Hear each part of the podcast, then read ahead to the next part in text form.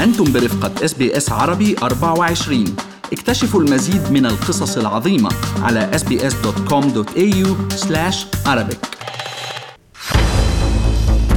من مراسلينا.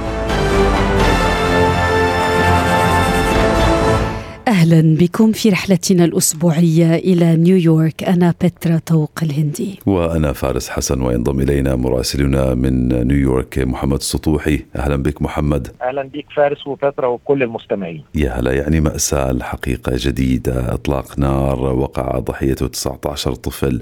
بمدرسة بتكساس و21 شخص يعني فقدوا حياتهم جراء هذا آه، الهجوم. آه، طبعا دائما تتعالى الدعوات إنه لماذا لا تتحرك؟ آه، الحكومة يتحرك الرئيس بايدن للحد من استخدام الأسلحة النارية. يعني يبدو وكما يعلم الكثيرون الدستور يكفل حق امتلاك السلاح وصعب يكون في تغيير لهذا الموضوع. ولكن اليوم في تصريحات لكمالا هاريس نائبة الرئيس آه، فيها شيء من الجرأة يعني تصريحات جديدة بهذا الخصوص. آه، كيف كان وقع هذا الحادث محمد بالشارع الأمريكي؟ وهل من تحركات اليوم لتغيير هذا الواقع المؤلم؟ كما ذكرت هذا الحادث آه، تحديدا أكثر إيلاما لأنه تذكر الأسبوع الماضي كنا نتحدث عن جريمة مشابهة شاب في بافالو دخل أحد المتاجر وأطلق النار وقتل عشرة. آه، آه، آه، هذا الحادث الجديد ربما الأكثر ايلاما أنه لمجموعه من الأطفال أعمارهم سبع وثمان سنوات. فيعني هذه جريمة أكثر يعني فظاعة والعدد 19 طفل. نحن نتحدث عن ثانية أكبر جريمة من نوعها أو مذبحة إذا صح هذا التعبير.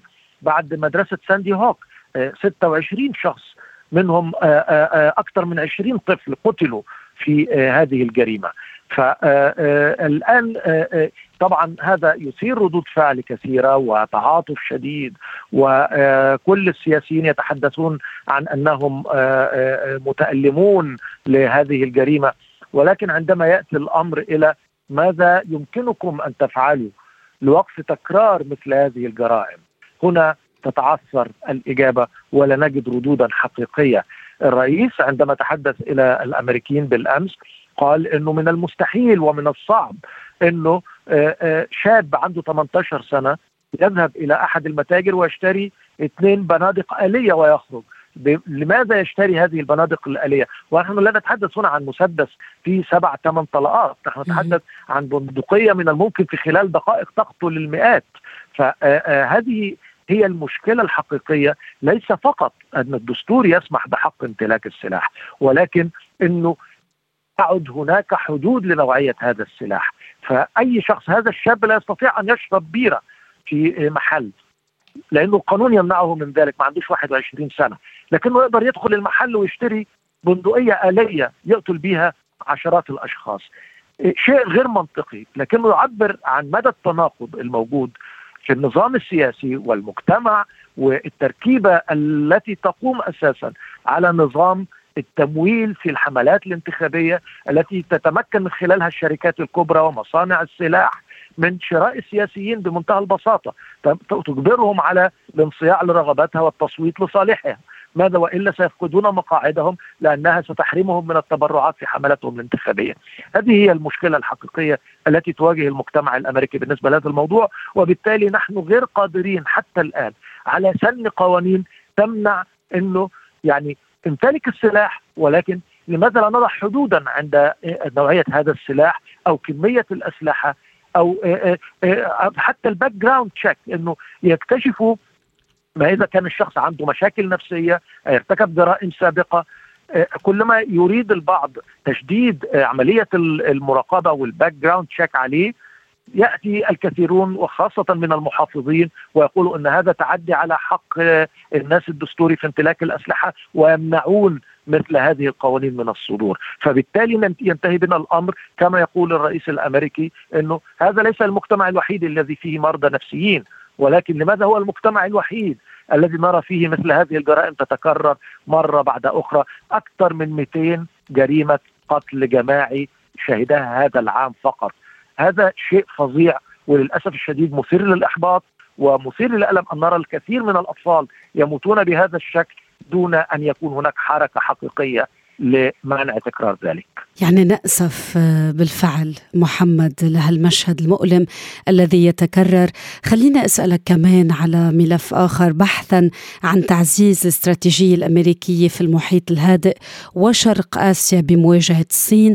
أنهى الرئيس الأمريكي جو بايدن زيارته إلى اليابان وكوريا الشمالية. شو حملت هالزيارة وشو حمل بجعبته السياسية بهالملف؟ هو أنتم تعلمون انه آه، آه، اوكرانيا ربما اجبرت الرئيس الامريكي والاداره على انهم يتحولوا باهتمامهم خلال الاشهر الماضية إلى قضية أخرى فرعية بالنسبة لهم لأنه منذ بدء آه، حتى الحملة الانتخابية وليس بعد وصوله إلى البيت الأبيض كان الرئيس الأمريكي والمساعدون له يؤكدون على أن الصين هي التحدي الاستراتيجي الأكبر للولايات المتحدة. ويجب تركيز كل الجهود الأمريكية على مواجهة هذا التحدي الذي لا يقف عند التهديد العسكري لكنه تحدي استراتيجي بمفهومه الشامل تحدي ثقافي تحدي اقتصادي آه، آه، وبالتالي التوسع الصيني كان مثيرا ل آه، آه، الاهتمام الأمريكي وضرورة عمل شيء لمنع امتداد هذا النفوذ الصيني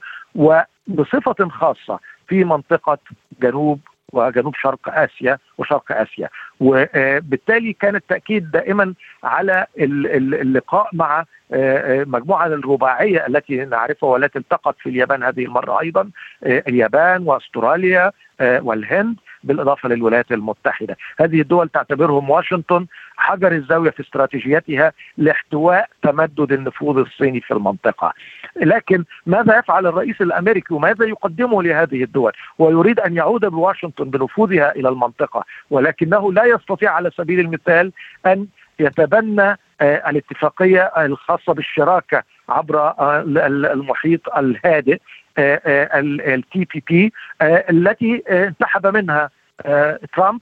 ولم يستطع بايدن أن يعود إليها رغم انه إدارة أوباما التي كان نائب الرئيس وقتها هي التي تفاوضت بشأنها، لكنه لا يستطيع أن يعود إليها لأنها مرفوضة حتى من قبل عديد من الديمقراطيين الذين يخشون توجه المزيد من الوظائف إلى تلك الدول، ومن هنا هو عرض آه، هذا الإطار الاقتصادي الذي يدعم الشراكة والتعاون بين تلك الدول لكنه لا يصل إلى اتفاقية تجارة وشراكة آه، حرة كتلك التي كانت موقعة في التي بي بي ومن هنا آه، الرئيس الأمريكي يقدم شيئا لتلك الدول ولكنه لا يستطيع أن يقدم كل شيء.